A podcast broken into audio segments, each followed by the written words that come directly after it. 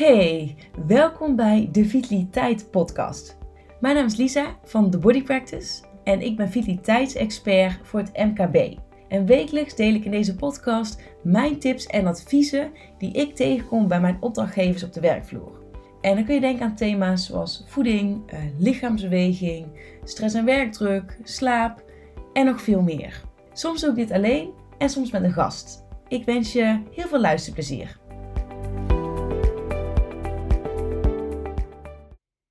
Voordat we dieper ingaan op het onderwerp van vandaag, wil ik graag eerst even stilstaan bij mijn masterclass Het hele jaar vitaal, zo pak je het aan. De eerste editie is inmiddels een feit, jongens. Oh, wauw. En vanwege de goede reacties die ik hierop heb gehad, heb ik dus ook gelijk de volgende editie ingepland. En die is op donderdag 21 april van 1 uur tot kwart over 3. Nou, de masterclass is super praktisch en aan het einde weet jij welke thema's bij jullie medewerkers en bedrijf aansluiten op het gebied van vitaliteit en gezondheid. En heb je dit concreet vertaald naar acties in een vitaliteitsjaarplan voor een duurzaam en blijvend resultaat. Wil jij nou weten wat de deelnemers uit deze eerste editie hebben gehaald? Of wil je meer informatie? Of je gelijk aanmelden? Dat kan natuurlijk ook. Ga dan naar www.thebodypractice.nl slash masterclass. Deze link vind je uiteraard ook in de omschrijving van deze podcast. Dus zien we elkaar 21 april? Ik hoop het wel. En dan gaan we nu lekker starten met de aflevering. Ik heb vandaag Rins Sparnaai uh, te gast van Ga naar Rins. Allereerst Rins, hartstikke welkom uh, bij de Vitaliteit podcast. Heel erg leuk dat je er bent. Wij hebben een gedeelde missie die we eigenlijk allebei op een hele andere manier vormgeven. En dat is eigenlijk de regie nemen over je eigen leven en over je eigen gezondheid. Nou, ik doe dat bij bedrijven, hè, middels trainingen, en jij doet dat met mind-body coaching. En daarbij kijk je met name naar emoties en ja, hoe zij eigenlijk de oorzaak kunnen zijn van langdurige pijnklachten. Nou, wat dit precies inhoudt, daar gaan we het vandaag allemaal over hebben. Uh, maar voordat we dus de diepte induiken, wil ik jou graag even de ruimte geven om je voor te stellen. Dus wie ben je, wat doe je en waar staat Ga naar Rins voor? Nou, dankjewel uh, Lisa. Mooie, mooie intro zo. uh, Ja, ik ben inderdaad Rins Parnay van Ghana Rins en ik help mensen van hun langdurige pijn af en in specifiek uh, langdurige rugpijn. En dan gaat het meestal over mensen die al ja, langer dan vijf jaar uh, pijn hebben. En dat doe ik middels een, een traject of ja, je kunt het misschien beter zien als een cursus. Mijn klanten die moeten wat dingetjes lezen, moeten wat huiswerk maken, zodat ze uiteindelijk hun eigen heler kunnen gaan worden. Dat ik niet meer de heler ga zijn, maar dat mijn klant ja, zelf alles in zich gaat gebruiken om ja, van die pijn af te komen. En, ja. Uh, ja, dat is gewoon super tof. ja, ja, ja ik, dat, dat voel ik helemaal, omdat ik zelf natuurlijk ook deels die missie heb. En het is gewoon zo onwijs tof om mensen op die manier weer in hun eigen kracht te kunnen zetten. Zeker. Um, nou ja, het, het, thema van deze podcast is dan eigenlijk ook ja, weer de regie nemen over je eigen leven, over je eigen gezondheid en echt in je eigen kracht komen te staan. Um, in mijn beleving, en dat ga ik vanuit het ook zo vindt, een heel mooi onderwerp. Waar denk ik iedereen wel op zijn of haar manier mee bezig is. Of ja, inspiratie uit kan halen. En ja, Rins en ik hopen dat we daar vandaag een bijdrage aan kunnen leveren. Met behulp van deze podcast. Ja, dat zou, eh, dat zou mooi zijn toch? Ja, nou dat lijkt me wel. En Rins, waar ik eigenlijk in eerste instantie wel gewoon benieuwd naar ben. Wat ik het persoonlijk een heel inspirerend verhaal vind. Is hoe jij bent gekomen waar je nu bent. Ja, dat is een, uh, een uh, best een leuke weg eigenlijk wel. um, ik ben uh, opgeleid tot gymleraar. En ehm, dus in het middelbaar onderwijs heb ik gezeten. En kreeg op een gegeven moment een beetje de honger om ja, meer dingen te weten, meer dingen te kunnen. Dus in deeltijd fysiotherapie gaan studeren. En heel lang heb ik die balans zo gehouden tussen een paar dagen lesgeven en een paar dagen fysiotherapie.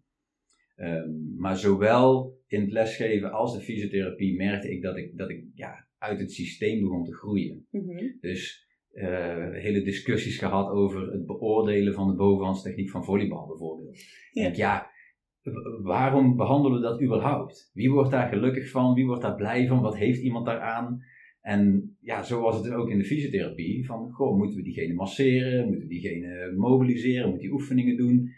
En continu had ik die vraag van, ben ik nou iets aan het doen wat echt nuttig is? En zowel in het onderwijs als de fysiotherapie kwam ik elke keer weer terug op dat uh, de persoonlijke ontwikkeling van mijn klant, of het dan de leerling was of de, of de patiënt, die moet altijd bovenaan staan. En persoonlijke ontwikkeling is altijd belangrijker dan vakinhoud. Ja. Altijd.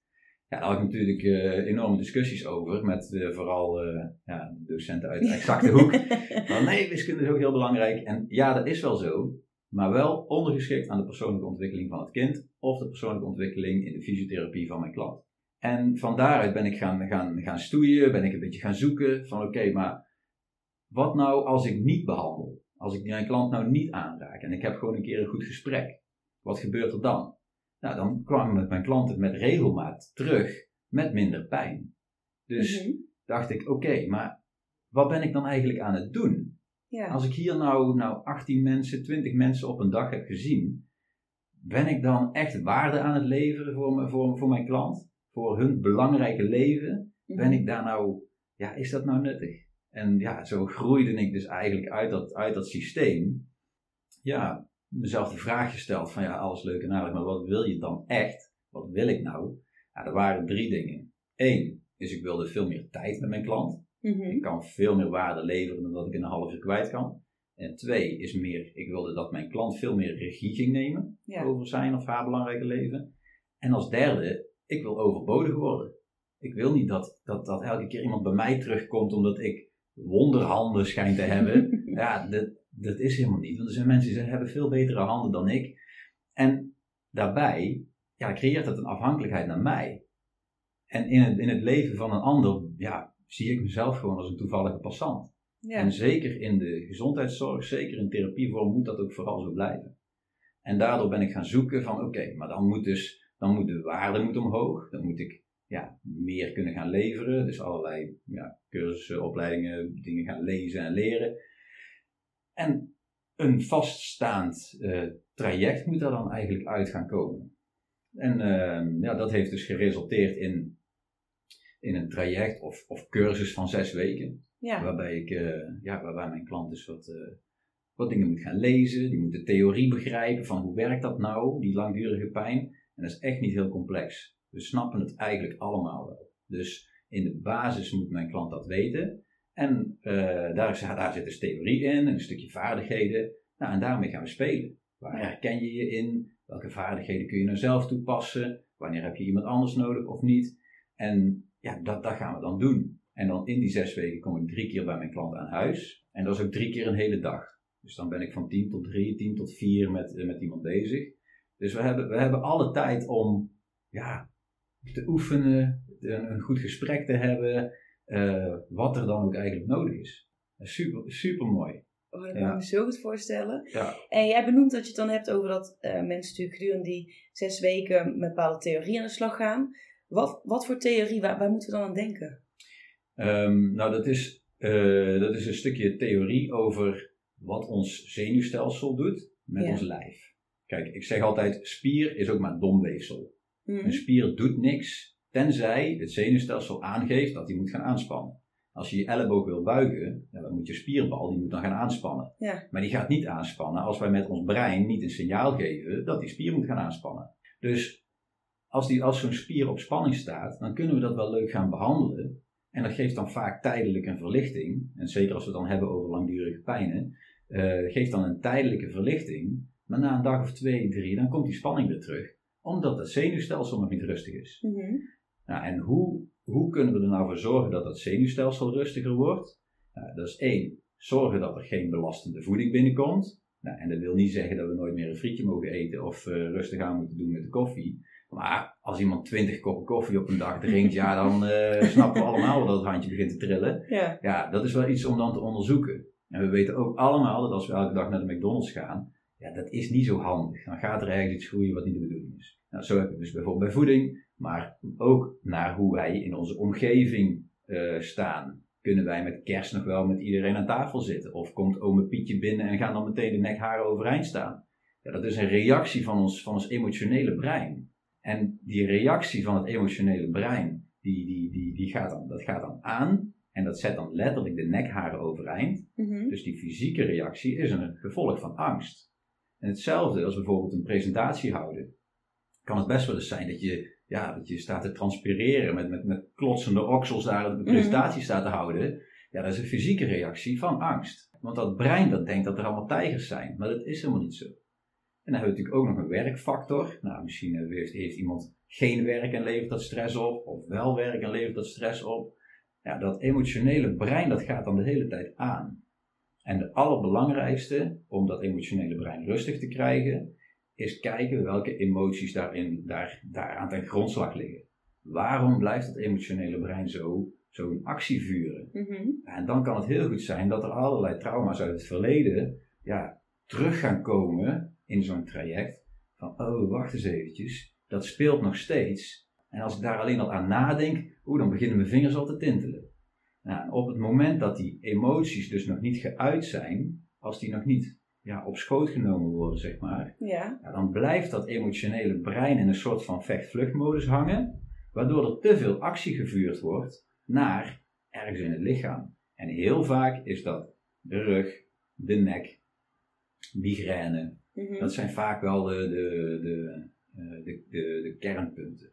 En dan zie je ook dat op het moment dat we met dat emotionele brein bezig gaan, en we gaan dus die emotie ook daadwerkelijk uiten, dus we gaan die emoties erkennen die eraan gekoppeld zijn, ja, dat gaat vaak met, ja, wel met wat intern geweld, zeg Mm. maar.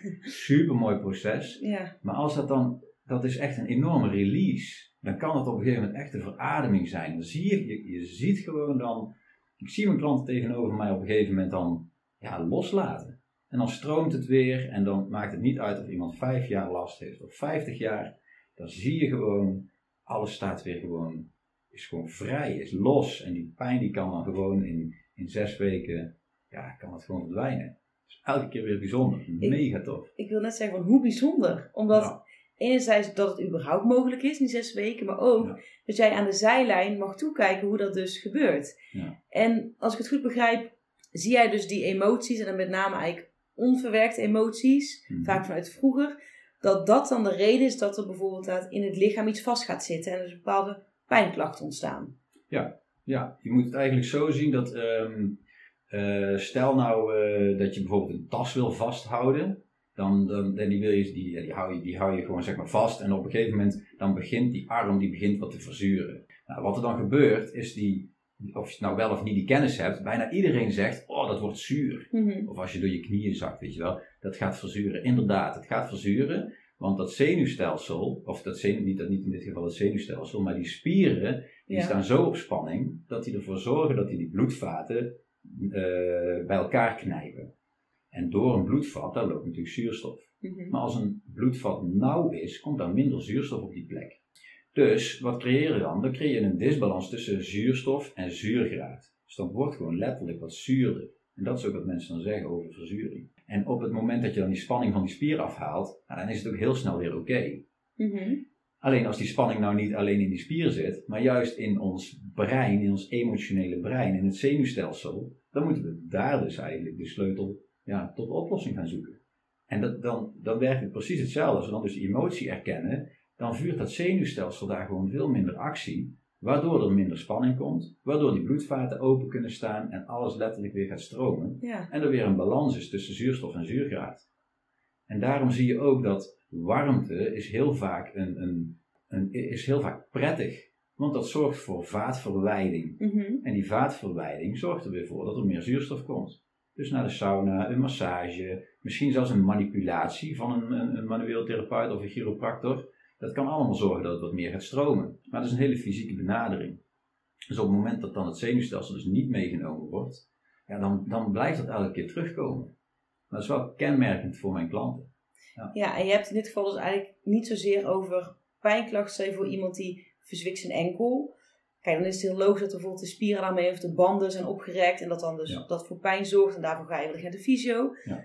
Eh, maar bij jou zit het veel meer in gewoon die pijnklachten die eigenlijk, ja, waar eigenlijk niet echt een, een aanwijsbare reden voor is, maar die iemand wel ervaart. En dan kun je natuurlijk naar de fysio gaan, maar dat is misschien dan meer symptoombestrijding dan dat je echt naar de oorzaak gaat kijken die dan wellicht in, de, in het emotionele brein is gelegen. Ja, zeker. Kijk, en eh, fysiotherapie, eh, osteopathie, acupunctuur, al die therapieën die zijn hartstikke goed, hè?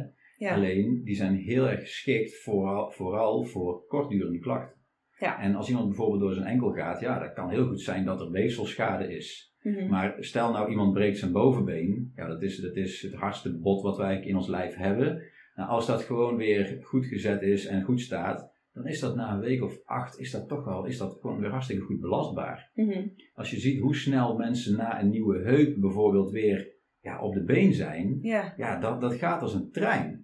Dus in zulke revalidatietrajecten, zeg maar, daarin, daarin is fysiotherapie hartstikke geschikt. Maar als het gaat over echt langdurige pijnen, Mhm. en eh, waar ja, niet direct een aanwijsbare oorzaak voor is.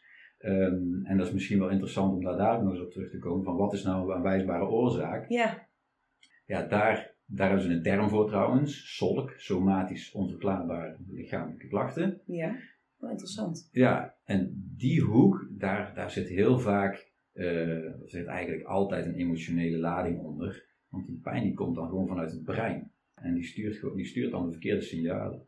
Ja, dat gaat zich gewoon vast, vastzetten in het lijf. Ja, En dan heeft het dus eigenlijk ja, niet echt zin om bijvoorbeeld naar een fysio te gaan. Die kan dan tijdelijk waarschijnlijk verlichting geven, maar die lost het probleem niet op. Ja, die lost de oorzaak van het probleem niet op. Nee. En ook dat is oké, hè, want het is niet aan, aan, aan ons om, om, om het proces van een ander te versnellen. Kijk, op het moment, heel veel mensen die zijn ook gebaat bij het behouden van pijn. Mhm. Want vaak geeft pijn ook een, ook een soort van identiteit. En dat is helemaal oké. Ja. Het, is niet, het is niet aan mij om, die, om een andermans pijn op te lossen. Dus, maar, want ik krijg ook veel klanten, of veel klant, potentiële klanten, waarvan Ja. ik denk, joh, ik kan je super goed helpen. Mhm. Maar dan, ja, de, de, de mooiste afwijsreden naar mij is dat iemand zegt, ja, dat ga ik niet doen. Want dan haal ik zoveel ellende op uit het verleden. Ik snap heel goed waar we dan naartoe gaan. Mhm. Ja, dat wil ik niet. Oké, even goede vrienden. En Ja. dan, dan neem je dus de symptoombestrijding voor lief. Maar het is zo'n enorm mooi proces om dit, om dit te mogen begeleiden en door te gaan. Ja, Ja. Dat, is, dat, geeft, het geeft ruimte, het geeft ja, een, een, een leeg hoofd. Het is, eh, ja, fantastisch. Ja, en kun je eens vertellen hoe je dan precies mensen in hun eigen kracht weer kan zetten? Want je hebt over die drie dagen dat je dan wel de hele dag bij iemand thuis bent en dat je gaat oefenen en gesprekken gaat voeren. Eh, maar wat zijn dan voor jou eigenlijk de knoppen waar je aan gaat draaien, zodat je iemand in staat stelt om weer in zijn of haar eigen kracht te gaan staan? Ja, dus, dat, is wel, dat is wel een goede vraag, want er zijn natuurlijk enorm veel knoppen waar we aan kunnen draaien. Nou, daarom. Ehm, ja, precies. En ehm, er, zijn, er zijn een aantal dingen die ik aanreik. Eén is, is echt een emotionele reset oefening. ja. Waarbij we dus ook gaan, waar, waarin ik ook vraag welke emotie voel je nu. Mhm. En ja, daarop, daarop doorvragen. En heel vaak krijg je dan in het begin een, een antwoord van, ja, ik voel me, wat, ik voel me een beetje teleurgesteld. Ja, oké, dat, dat is heel veilig om dat te zeggen. Daar Mhm. wordt het brein nog niet warm of koud van. Maar wat zit daaronder? Wat zit er onder die teleurstelling? En als daar bijvoorbeeld dan woede zit, ja, dan beginnen, beginnen de handen al een beetje te zweten, zeg maar. Nou, super, daar moeten we naartoe. Want ja. daar ligt de sleutel tot succes. Nou, dat, dat, dat, is, wat, eh, dat is een onderdeel. Maar eh, er zit bijvoorbeeld ook een, een, een onderdeel in, dat noemen ze tapping of emotional freedom techniques. Ehm, dat is een fysieke handeling waarbij we eh, tikken op eindpunten van meridianen. Mhm. En die meridianen die zijn vaak ook wat overactief in zo'n geval. Kan hele goede effecten hebben. Ehm, wat ademhalingsoefeningen zitten erbij. Eh, maar we gaan ook onze de, de gedachten aanvliegen. Ja. Welke gedachten zijn, nou, zijn nou stressvol? Want, en dat is, dat is vaak een enorm krachtige ja, ehm, katalysator van, van, van een beperkte aansturing van ons zenuwstelsel. Ja. Want ons zenuwstelsel kan beperkt aansturen door een trauma. Dus als je bijvoorbeeld een zenuw doorknipt, ja, dan, dan, dan doet het het niet meer. Nee. Als je een heftige aanrijding hebt gehad en een dwarslezen, ja, dan is er echt wel wat verstoord. En, of een vergiftiging. Mhm. een fles bleekleek drinken, dan gaat het ook niet goed. En de derde, de derde die het belangrijkst is als verstoring in aansturing van het zenuwstelsel, dat zijn onze gedachten. En hoe wij nadenken over allerlei situaties, die kunnen mega beperkend zijn. Ja. En enorm stressvol. Ik, ik, eh, heel simpel voorbeeld. Ik vind mezelf te dik, Mhm. dus ik zet de kliko maar in het donker buiten, anders dan zien de buren mij. Ja, dat is mega beperkend. Ja. Iemand houdt zich echt binnen en houdt zich Ja. dan klein. Maar klopt die gedachte wel? Ja, het kan best zijn dat je jezelf te dik vindt, maar wat vinden die buren daarvan? Heb je het gevraagd? Mhm. Nee, dus klopt die gedachte eigenlijk wel? Nou ja, daar mogen echt wel vraagtekens bij gezet worden. En eh, ja, dat kan enorm verrijkend zijn als we daar een andere gedachte tegenover kunnen zetten.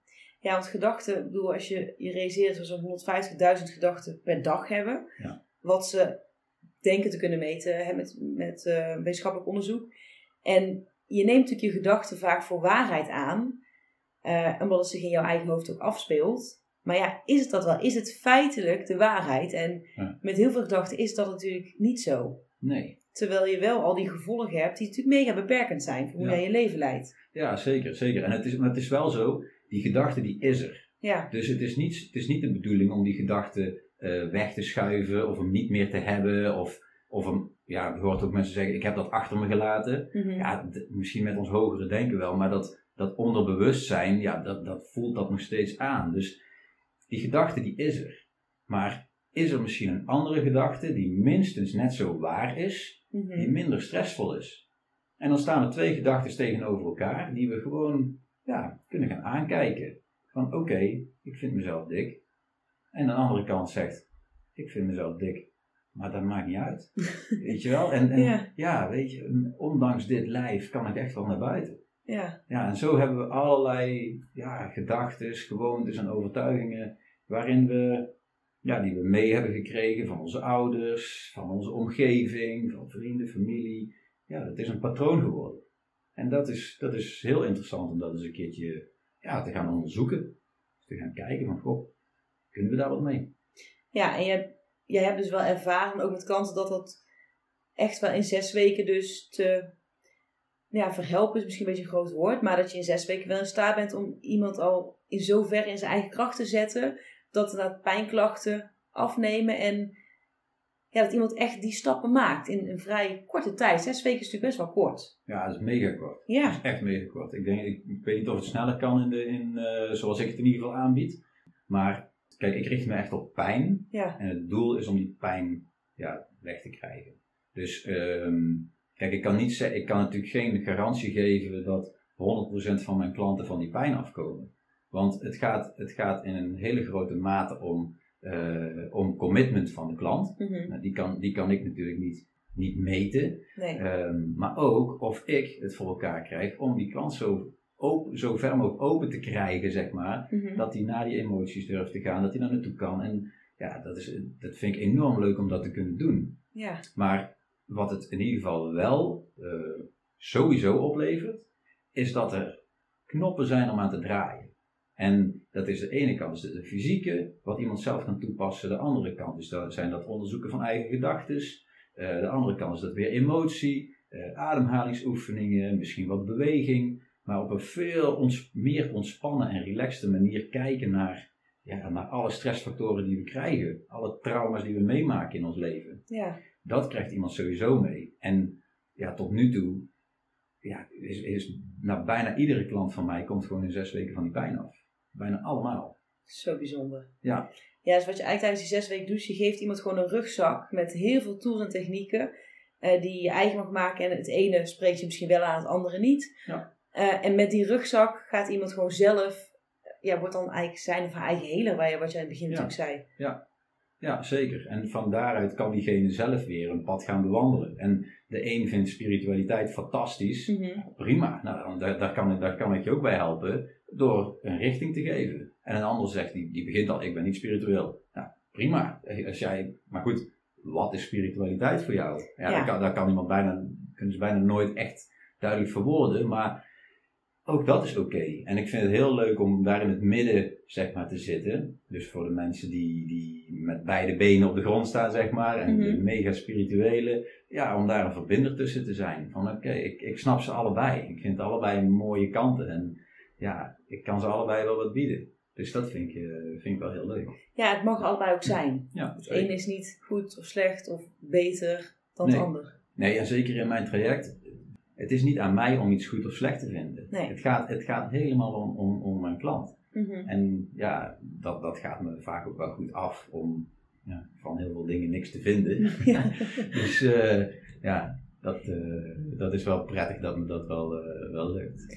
En ik kan me voorstellen dat dat al een verademing is. Want tegenwoordig vinden we natuurlijk altijd overal wel iets van. Ja. En dat is natuurlijk ook...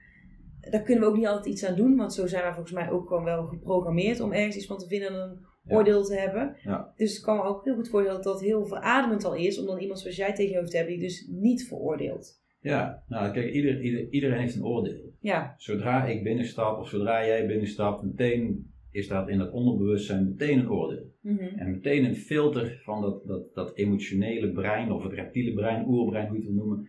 Oké, wat, wat, is, dit, is dit gevaar? Is dit geen gevaar? Wat vind ik hiervan? Heb ik hier iets aan? En dus dat doen we allemaal.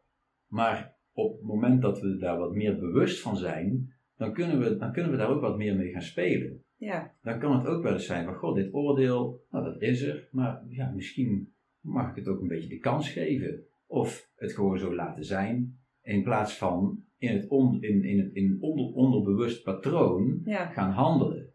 Want daar zit dan vaak een, een, een koppeling weer aan een traumatisch verleden. En trauma's hebben we allemaal meegemaakt. Mhm. Ehm, waardoor dat brein eigenlijk anders reageert dan dat, je, dan dat je liever zou willen. Ja. Want als ik dan aan iemand vraag van, goh, wil je eigenlijk wel dat doen zo?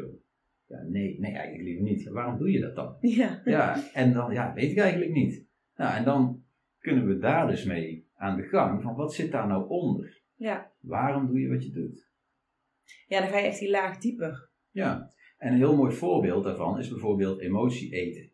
Iedereen kent dat, emotie eten. Waarbij een stressvolle dag, ja, de, nou, eh, stressvolle dag gehad, dan gaan we veel eten. En dat eten, dat bedekt die emotie. Mhm. Want zolang we met dat eten dan bezig zijn, hoeven we niet ja, met die diepe emotie bezig te zijn. Nee. En, er zijn, en, en er zijn enorm veel mensen die vinden het nogal spannend om op de bank te gaan zitten en ja, naar het plafond te gaan kijken.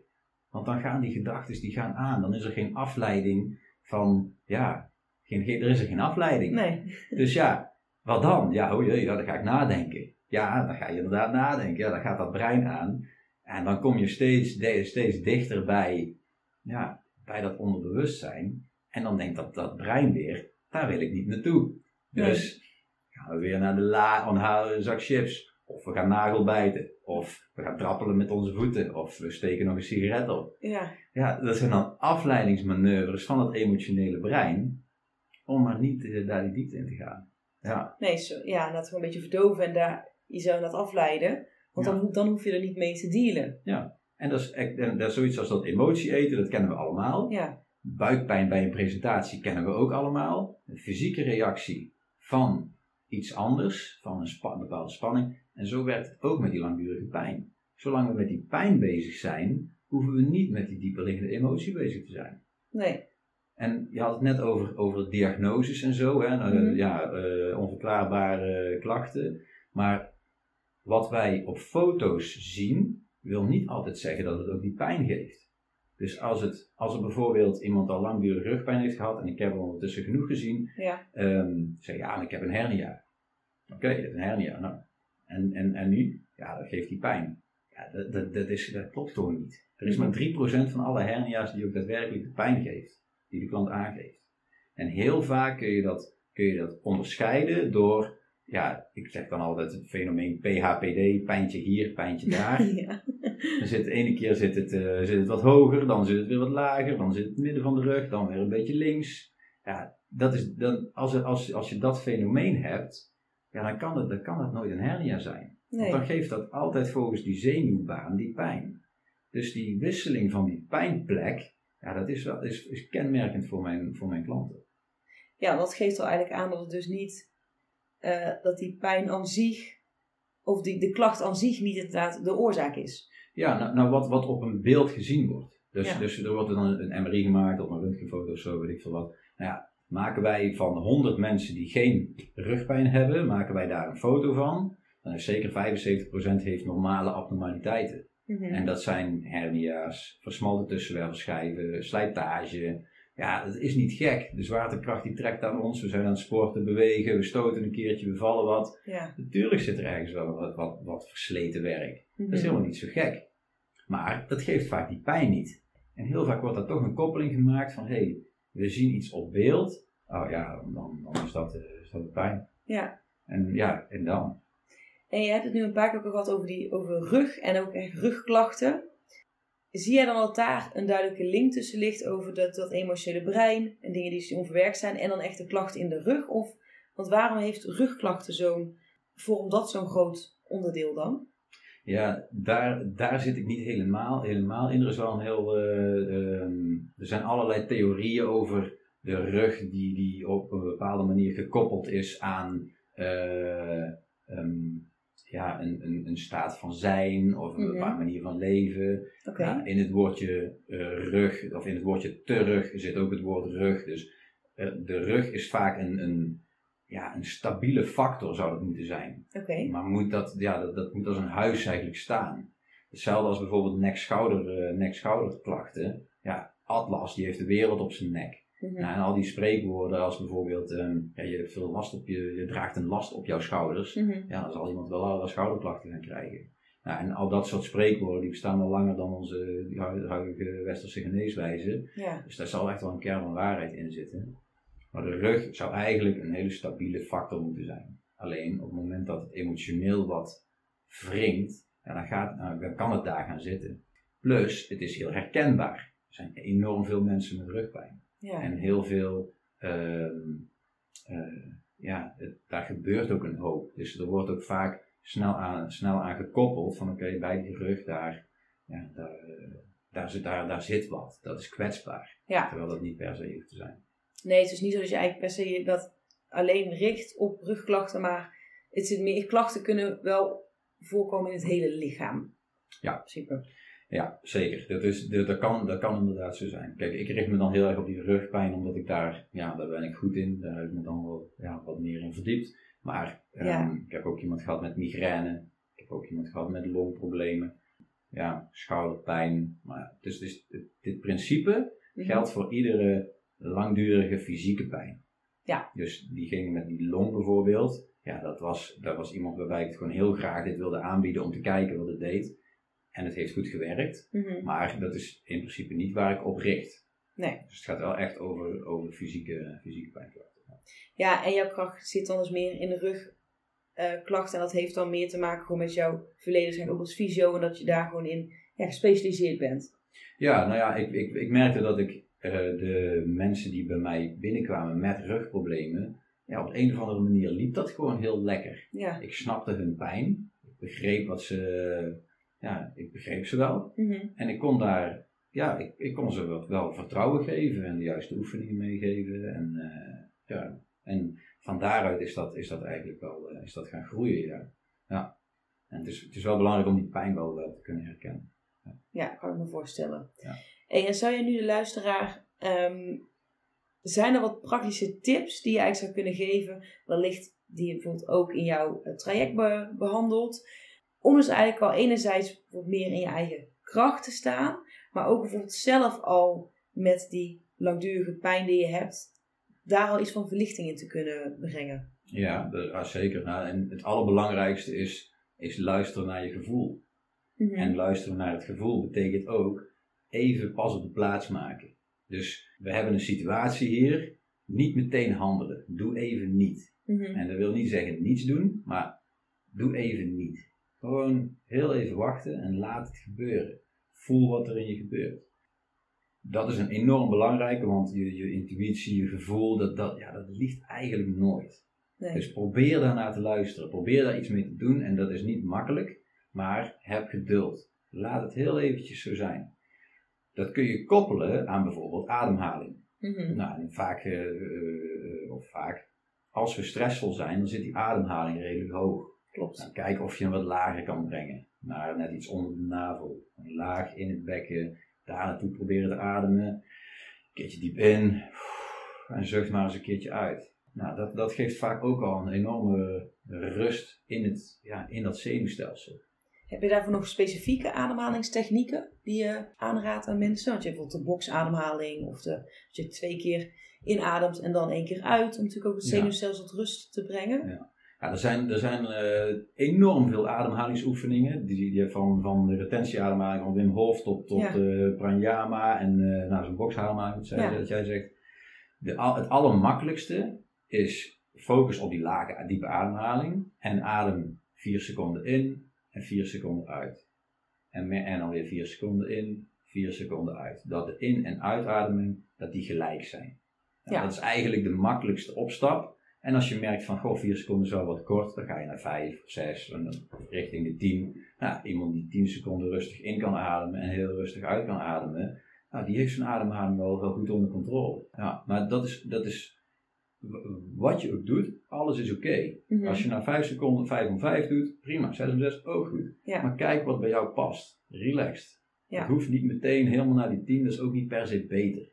Je gaat gewoon voelen wat het met jou doet. En als het 3 om 3 is, is het ook oké. Dus dat is eigenlijk de makkelijkste, de, ma- de makkelijkste instap.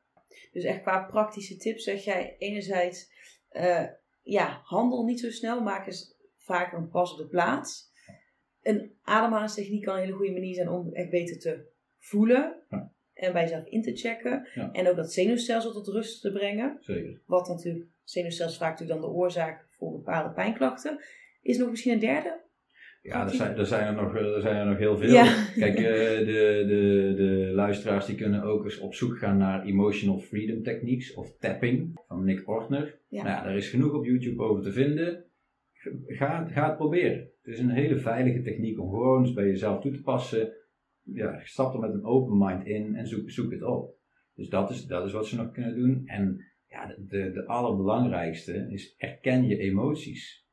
Erken je emoties. Als je verdriet hebt, dan zeg ook, ik voel me verdrietig. En probeer het niet te bedekken met allerlei mildere emoties, om maar de lieve vrede te bewaren of om een ander niet ja, te kwetsen of zo. Eh, alles wat ons brein dan allemaal bedenkt. Maar Mhm. ja, laat, probeer het een keertje toe te laten. En eh dat hoeft niet de hele dag, hè, maar ja, ga daarmee spelen. Ja, en wellicht dan ook wel misschien aanvullen daarop, ook zonder oordeel. Laat bijvoorbeeld, bijvoorbeeld als je je verdrietig voelt, laat dat verdriet er ook zijn. Ja. Zonder daar gelijk een oordeel over te hebben van, oh dat vind ik stom. Of waarom voel ik me nou weer zo. Ja, of ik stop het weg, Ja. want een ander, die, er is nu de gelegenheid niet voor of zo. Mhm. Ja, dat, dat kan, die gelegenheid is er nooit. Nee. Zolang wij dat zelf denken dat die gelegenheid er niet is, dan is die gelegenheid er nooit. Dus soms moet je die gelegenheid ja, gewoon nemen omwille van jezelf. Mhm. En als je het hebt over regie nemen, ja, dan hoort dat er ook bij. Ja. En dat is lastig hoor. Dat is enorm moeilijk. Want we zitten in een, in een, in een omgeving die ook bepaalt wie we zijn. Ja, klopt. Als wij ons omringen met allemaal depressieve mensen, worden wij ook wel depressief. Omringen wij ons allemaal met ondernemers, gaan we ook wel ondernemen. Met Mhm. super fitte sporters gaan we ook wel lekker sporten. Maar daar bewust van zijn, ja, dat, dat, dat kan enorm veel opleveren. Ook in wat je zegt, zonder oordeel. Dit is gewoon even wat het is. Ja, Ja, ik voel me verdrietig. Ja, that's it. ja. En dan niet een maar, het komt vast wel goed, en, eh, maar dat heeft tijd nodig. En ach ja, nee, ik voel me verdrietig. That's it. Ja. Ja, punt. Ja, Eigenlijk, ja. ja, en daarmee geef je ook de ander de ruimte om daar weer op te reageren. Om daar iets mee te doen. Want op het moment dat we dat, we dat dan weer bedekken met, ja, maar het komt wel goed. Ja, dan, dan hoeft de ander daar ook niet per se iets mee. Die denkt, goed, gelukkig. Ja. Oh, er hoeven goed we-. Ja, hoeven we niet over dit zwaar onderwerp eh, bezig te zijn. Maar uiteindelijk maakt dat wel dat, dat je relatie met de ander daardoor ook minder diepgang krijgt. Mhm. Want het blijft net een beetje zo aan de oppervlakte, een beetje sluimeren. Maar ja, als je het wel uit, dan geef je ook de ander de gelegenheid om zijn emotie ook neer te leggen. Als je het hebt over verbinden met elkaar, ja, dan, dan is dat toch hartstikke mooi. Ja, en iets, we blijven toch sociale dieren, dus die verbinding is heel belangrijk. Zeker in deze ons, tijd. Ja, voor ons als mens. Ja. En Riz, ik vond het een heel, ehm, heel mooi en inspirerend gesprek. Ja, dankjewel. Is er nog als laatste iets wat je de luisteraar wil meegeven? Of het nou een praktische tip is, of een bepaald inzicht wat je wil delen? Of is er iets wat je luisteraar nog mee wil geven als afsluiting? Nou, wat wel enorm belangrijk is, is in, eh, in dit verhaal, en dat kost mezelf ook af en toe echt wel wat moeite, Mhm. is realiseren dat we allemaal gelijkwaardig zijn aan elkaar. En soms dan, dan, dan verlies ik mezelf ook wel dat ik denk dat ik in één keer heel veel weet en mezelf beter voel dan een ander. Maar in de kern zijn we allemaal gelijkwaardig aan elkaar. Dat ik dit nu weet en die vaardigheden heb, dat wil niet zeggen dat ik geen shit heb. Dat Nee. wil niet zeggen dat ik al mijn trauma's heb opgelost en dat ik geen pijn heb. Ik weet er wel mee om te gaan. En ik heb nooit langer dan twee dagen fysieke pijn. Maar ehm, ik ben niet beter dan een ander. En een ander is ook weer niet beter dan ik. En we zijn allemaal gelijkwaardig. De een die eet te veel, de andere die bijt zijn nagels kapot. En weer een ander heeft, heeft langdurige pijn. Het zit allemaal in, in, in, in vergelijkbare principes bij het emotionele brein. Dus we zijn allemaal gelijkwaardig aan elkaar. En vanuit dat principe kijken of je elkaar ook een handje kan helpen dan. Ik denk een hele mooie afsluiting. Mooie wijze woorden nog. Ja, dankjewel. ja, mee te geven aan de luisteraar. Ja.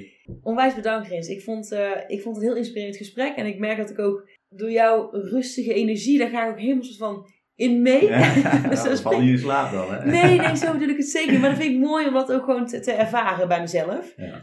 Als mensen met jou in contact willen komen, of ze willen met je connecten, ze willen wellicht, zijn ze geïnteresseerd in je traject, waar kunnen ze je vinden? Eh, het handigste is op de website www.ga-naar-rins.nl. Daar kunnen, eh, kunnen mensen zich aanmelden voor een gratis adviesgesprek. Mhm. Daar begin ik altijd mee om te kijken ja, of, of we een match zijn.